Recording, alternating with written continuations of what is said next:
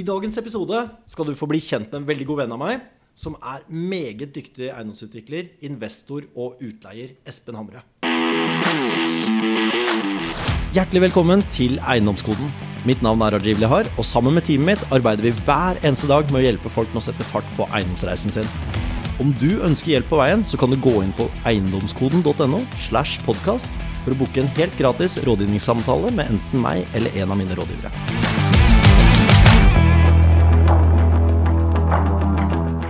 I dag er vi så heldige å ha fått flydd over Espen Hamre fra Vestlandet. Han har en ekspertise på utleie, jobba med verdiøkning, og nå i senere tid også driver med utvikling av næringseiendom. Jeg var så heldig å få møtt Espen for fire års tid tilbake, hvor utleie var i sterkt fokus. Men så har hatt gleden av å se utviklingen hans, og ikke minst det han har klart å skape på de få årene. Og det jeg digger med han, det er at han er utrolig lærevillig. Og han har turt å tenke stort. Og han er ikke redd for å brette opp armene for å gjøre jobben. Og det er kanskje noe av det som har gjort at han har blitt så suksessfull som han er i dag. Har selv fulgt med på hvordan han har inspirert tusenvis av mennesker rundt om i Norge som ønsker å enten starte med eiendomsinvesteringer, utvikle fra der de er i dag, og ikke minst dyktige eiendomsutviklere som har sett opp til Espen. Så tusen hjertelig takk for at du tok deg tiden, Espen, til å fly over og få vært med i dagens episode. Ta Fortell litt om deg selv. Hvor, hvor, var du hen for noen år tilbake, før du kom inn på eiendomsmarkedet? Opprinnelig så Drømmejobben min var jo å jobbe offshore, eh, så jeg var jo på vei mot, mot det målet. Fikk for så vidt drømmejobben i offshore i Statoil etter læretida, og tenkte det var det jeg skulle holde på med livet ut. Men så med, med mye fritid og grei lønn, så begynte fritidsproblemer å dukke opp på en litt annen måte enn for de fleste andre. Jeg måtte være produktiv med tida mi og få pengene mine til å vokse. Så alltid visst at jeg eh, ville gjøre noe mer, ha eget firma. Jeg vokste opp med far min, hadde eget firma som han utvikla ved siden av sin offshorejobb. Så det, det har jeg fått inn fra barndommen av. Men hva det skulle være, det visste ikke jeg. Så jeg var innom alt fra bilpleie og personlig trener og, og, forskjellig. Og så skulle jeg kjøpe meg ny leilighet eh, til meg sjøl i 2013. Og da var jeg så sikker på at den leiligheten jeg funnet, den skulle jeg ha. Så jeg legde ut den jeg hadde fra før. Og så så jeg at det gikk over i pluss. Så det var ingen grunn til å selge den leiligheten. Men så fikk jeg ikke kjøpt meg ny, for den budrunden gikk over stokk og stein. Så endte jeg opp med å kansellere den kontrakten på megaleilighet, og så kjøpte jeg en egen utleieleilighet i stedet for å nyte meg sjøl. Så det var, det var, starten, tilbake i 2013. Da, da, kjøpte jeg med tre soverom som jeg legde ut som kollektiv med en gang. Og så at det her var butikk. Men det var veldig skummelt. Kjøpte en leilighet og tok over nøkler til noe som måtte pusses opp og jeg ikke skulle bo i sjøl. Så jeg måtte dekke to lån, liksom. Men den ble faktisk utleid ca. ti minutter etter jeg kjøpte den. Eller Jeg brukte, brukte selvfølgelig tid på annonser. La ut annonser mens jeg var på overtagelsen. Kjørte mot eh, Skeidar for å se på møbler, og så var den utleid med en gang. Så eh, mye nerver den dagen, så roa seg fort. Men likevel så skulle det ta over et år før jeg kjøpte neste utleieeiendom. Så det, en eller annen skrekk eh, satte seg i meg likevel. Hvordan håndterte du den frykten, egentlig?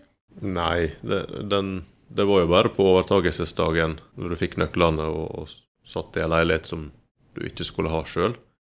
Men den forsvant jo når du fikk leid ut. Mm. Men uh, det var ikke sånn at jeg sprang rett av gårde til å kjøpe neste likevel. Det, jeg visste jo fortsatt ikke at jeg skulle holde på med eiendom, men jeg så at dette var bra pensjonssparing. Ja. Og Eh, med en helt vanlig, gjennomsnittlig tankegang, så er jo det bra det å ha to-tre millioner ekstra når du skal pensjonere deg. Så jeg var kanskje litt begrensa av den tanken. Det er jo en av de tingene som jeg virkelig har lagt merke til med deg, Espen. Du, du er veldig jordnær. Um, alt det du gjør, gjør du ordentlig. Og du, som sagt, setter veldig pris på og respekterer den evnen du har til å egentlig bare brette opp armene, gå ut og bare gjøre jobben.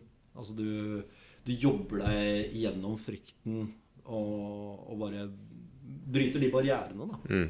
Men hvordan var den neste eiendomstransaksjonen din etter, eh, etter et års tid? Det var kun pga. at jeg fikk samboer, så vi måtte ut av Eller jeg ville ikke at hun skulle flytte inn i ungkarsboligen. Så vi kjøpte en leilighet i sjøkanten i Ålesund. Veldig fin plassering. Badestrand rett forbi. Så det var, det var, en fin plass å starte på et samboerforhold. Og så legde jeg ut den opprinnelige leiligheten min.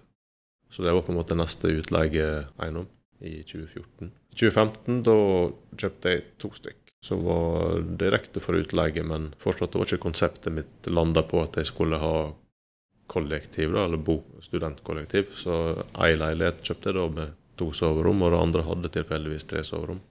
Mm. Så jeg var på veldig mange budrunder på, på leiligheter i den perioden som, som jeg ikke enda opp med å kjøpe. Eh, der regnestykket var sånn bob-bob, men da Jeg hadde ikke hørt om ordet cashflow engang. Jeg bare fulgte instinkter da, for å få meg større personsparing. Og det er jo litt av det som altså Da hadde du jo Da var du jo på din fjerde-femte eiendom. Mm. Uh, hva skjedde da, egentlig, sånn rent psykisk? Nei, jeg, da hadde jeg ja, fire utleieeiendommer pluss uh, egentlig meg sjøl. Psykisk så, så, gikk det helt fint. Banken Jeg har god kontakt med banken, som var noen jeg har kjent eh, siden barndommen, som var bankrådgiver. og Hun skrutta av meg og var stolt over at jeg kunne kjøpe fire leiligheter sjøl. Og jeg ba om 15 års nedbetalingstid, for jeg trodde det var bra. Eh, banken var veldig fornøyd og skrutta av meg. Så psykisk så gikk det helt fint å, å, å skalere opp til fire. Det som eh, ga en begrensning, var at vi skulle bygge oss hus sjøl. Kjøpte tomt, tegna hus og fått beskjed av banken at vi kunne bygge akkurat det vi ville ha. Og så kom fem ganger inntekt. Da endte jeg opp med at eh, fem ganger inntekt var det den husbygginga. Fordi jeg hadde de utleieeiendommene som egentlig ga oss bedre råd, men som med fem ganger inntekt da sperra oss fra oppnå vår egen husdrøm. Og egenkapitalen var Den hadde du jo i Den, den hadde jeg, både i kontanter og i de andre eiendommene, for så vidt. Og hvordan eh, overkom du den biten med fem ganger inntekt? Den overkom jeg med å begynte i AS. Er ikke det kjempeskummelt? Jo, jeg fikk et tips allerede i 2015 av en 70-åring eh, som holdt på å selge ut sine 120 leiligheter, om at du må starte aksjeselskap med en gang. Det er så greit. Og så sa jeg til han nei, nei, nei. Det er høyere rente og det er flere kostnader, og så tjener mer på å ha dem privat. Det var en av mine begrensende tanker i, i starten. Hva, hva sa 70-åringen til tankene dine? Ja, Da satte han seg i bilen og kjørte derifra. Det, var, det, det, visste han var feil. Det visste han var feil, ja. Men altså, du, du, gikk da fra fire-fem eiendommer, um, og for å kunne på en måte bryte den grensa med fem ganger inntekt, som da egentlig var en psykisk stopper for deg på den tida, til Hvordan var den perioden hvor du gikk fra da å tenke som en privatperson til å begynne å tenke aksjeselskap? Jeg, jeg, skjønte jo at jeg burde starte aksjeselskap, men da måtte jeg ha et veldig godt objekt som ga mer inntekt. Og så dukka det plutselig opp, og da eh, diskuterte vi det hjemme at dette her kan være starten på firmaet vårt. Eh, regnestykket gikk hjem igjen både på 5 og 6 rente. og og, eh, så da kjøpte vi den og starta aksjeselskap i 2017. Eh, så bestemte vi oss for å flytte til Molde i stedet for å bygge hus i Ålesund samtidig. Så vi flytta dit i 2017, eh, seint på året 2017. Og da gikk gikk det halvannet år før jeg liksom fikk kommet på plass i Molde og funnet meg en plass i en ny by til at jeg begynte å kjede meg og kom tilbake til at jeg skulle hatt litt mer eiendom. Da begynte egentlig den ordentlige inspirasjonen? eller? Var... Da, ja. Det var på høsten 2018 at det begynte å pirre litt igjen. Jeg tror jeg kom i kontakt med deg eh, omtrent på den tida. Og eh, jeg visste jo at det jeg hadde gjort eh, så langt, fungerte, men at det der eh, helt sikkert var bedre veier å, å gå. Så eh, kom jeg i kontakt med, med deg og Johan, og vi satt i det rommet her august 2018 ca og hadde en prat. Jeg prøvde å stille spørsmål hvordan skal jeg gjøre det, hva er veien videre, og jeg fikk ikke noe annet enn spørsmål tilbake. Eh, gi, gi, meg fasiten, eller Men eh, dere Jeg husker dere, den samtalen ganske ja, godt, ja. dere, dere trigga i hvert fall eh, helt nye tanker og sikkert nervebane i hjernen min, for eh, jeg er ikke den samme i dag som jeg var da. Da holder jeg meg kanskje innafor en firkanta boks, men nå så springer jeg helst på utsida av boksen. Ja, du skaper vel de boksene, har jeg sett, så ja. Men det er jo uh, akkurat den transition der sånn, uh, fra å gå fra privat til å tenke aksjer, tenke større. Mm. Det er jo en av de tingene som jeg virkelig har sett deg de siste fire årene på. Det er at du tør å tenke stort. At du tør å tenke utafor den boksen som vi den tradisjonelle boksen. Da. Mm. Uh, en annen ting er jo da at du, du har jo turt å tenke stort, men har du falt noen ganger tilbake med å tenke stort? At du kanskje har gapt over for mye? Du føler kanskje ikke at du dette er noe du klarer å løfte, men likevel så har du klart det? Nei. Um, eller det var, det var ett bygg jeg så på i kanskje vinteren, 20, nei, ja, vinteren 2019. Så jeg på en bygård i Ålesund som, som jeg da eh, droppa å kjøpe fordi det var for skummelt. Og så kjøpte jeg fire singleleiligheter samme år. Og når den fortsatt lå til salgs, så var ikke den skummel lenger. Da, da hoppa jeg på den og kjøpte den. Og det er jo litt det jeg ville prøve å få frem. Ikke sånn at du, du jobber deg gjennom. Frykten din. Um, jeg husker selv min egen uh, første eiendom. Med, altså det, var liksom 3-4 millioner kroner. Og kommer rett fra studentstipend med 3000 kroner i måneden i det du satt igjen med stipend. og med en gang du begynner å tenke millioner, var det veldig skummelt. da. Ja. Uh, og, og, for meg så var det jo å, snakke med mennesker som var vant til å håndtere den type pengesummer. Også, jeg også begynte jo da i olje- og gassbransjen etter å ha jobba en god del år innenfor flyindustrien. Og begynte å håndtere større kontrakter bare for å bli vant til å håndtere de nullene. Fordi veldig ofte så tenker man jo alle de nullene man skal kjøpe eller pusse opp for, eller hva enn det er for noe. Og det er jo mange flere nuller enn det man har i lommeboka. da. Ja. Og den tanken og den følelsen husker jeg var veldig skummel for min del også. Mm. Uh, og jeg bare prøvde å jobbe meg med uh, mennesker som var vant til å håndtere større summer. Og det man etter hvert ser, da, litt sånn som du gjorde når du kjøpte disse leilighetene og plutselig gikk tilbake igjen til bygården, og det plutselig ikke var så skummelt lenger, mm. er jo at det, blir en vanesak ja. å være utafor den komfortsonen. Jeg har jo sett deg i flere områder hvor du har vært godt utafor komfortsonen din, men du beholder roen alltid. Mm. Veldig rolig og avbalansert person. Hvordan klarer du å få det til? De nervene er nok til stede på innsida og tar den nattesøvna mi i stedet for å, at jeg skal utagere på dagtid. Eh, men eh, jeg har vel en rolig personlighet. Ja, det er veldig generelt. rolig og. Du, du, sitter jo her og tripper i stolen mens jeg sitter helt i ro. Det er to vidt forskjellige personer. jeg driver og hovrer. Jeg, jeg syns det her er så utrolig givende. Og så er det jo litt det som altså, Ta da fra den reisen videre fra privat aksjeselskap. Du begynner nå å se på bygårder, du begynner å se på drift i i uh, aksjeselskap. Og nå i det siste så har du jo gått over på enda større prosjekter. Kan ikke du fortelle litt om uh, hva du holder på med i, i de, den senere tiden? da, Med næringseiendom og utvikling i en helt annen retning egentlig en helt vanlig leilighet som skal til utleie? Nei, jeg, jeg har jo gått ifra eh, i starten som var altså, leiligheter til små bygårder. Og jeg har hatt flere prosjekt på gang samtidig tre-fire tre, leiligheter samtidig. Og nå i, i fjor hadde vi si, tre bygårder samtidig under renovering. Så uh, skalaen er gått oppover og oppover. Og det virker helt, føles helt naturlig. Ta, selv om du har null eller to ekstra bak, eh, bakerst, så føles det helt likt. Føles bare som at du i stedet for å uh, stå og pusse opp en leilighet, så føles det ut som du driver bedrift og bidrar til samfunnet på en helt annen måte. Du, du, skjønner jo at når du har 14 mann som jobber for deg eh, noen måneder, så er det du som lønner familiene til 14 mann. Og Veldig spennende tanke. Kjøpe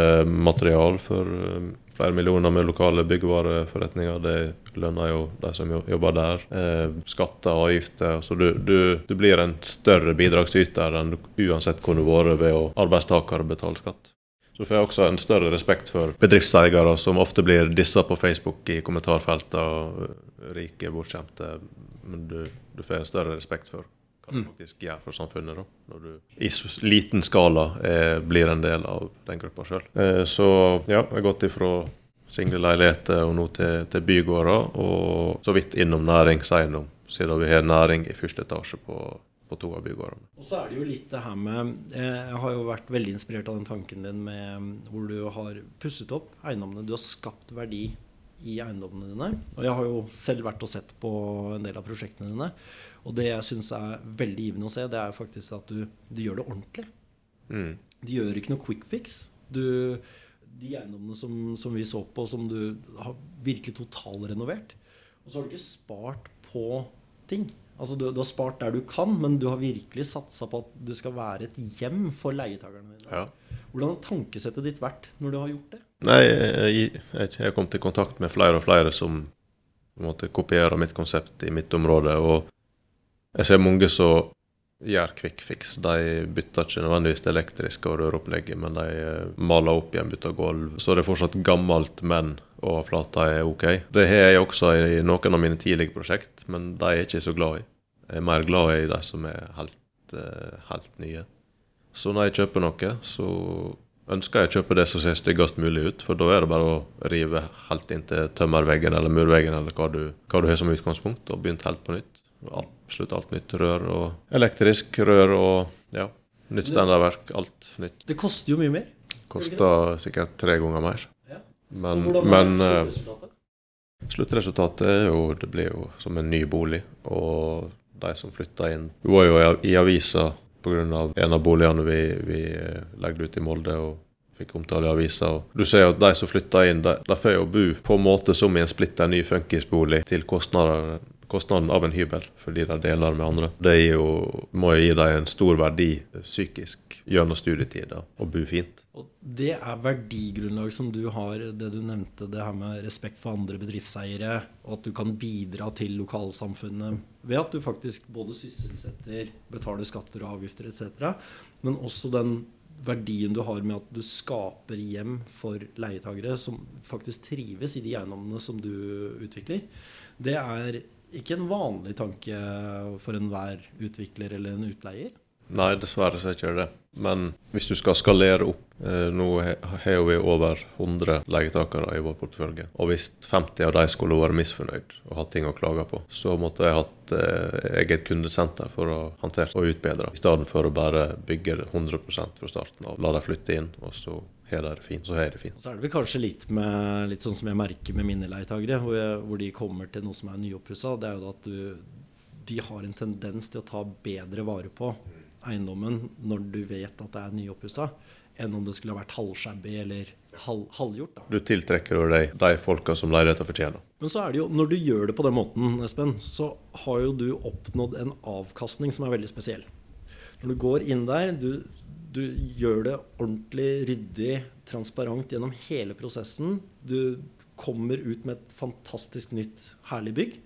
Det må vel bankene like. Banken er, er svært fornøyd. Megleren som gir oss verdivurdering, er fornøyd. Så i de aller fleste prosjekter så er verdien mye større enn innsatsen. Det vil si at du kan refinansiere.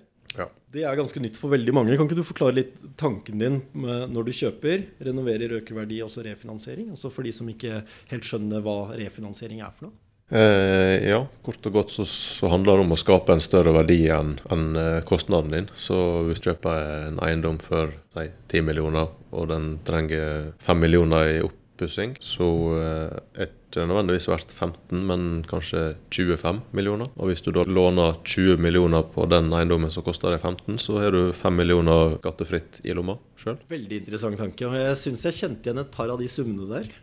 Ja, det, det er nok et eh, konkret eh, eksempel, ja. Ikke sant? Og det, og det er jo kanskje altså Hadde dette vært sju, 7-8-10-12 år tilbake, så hadde jeg vært livredd for alt over 10 millioner. Mm. For det høres så mye mer ut.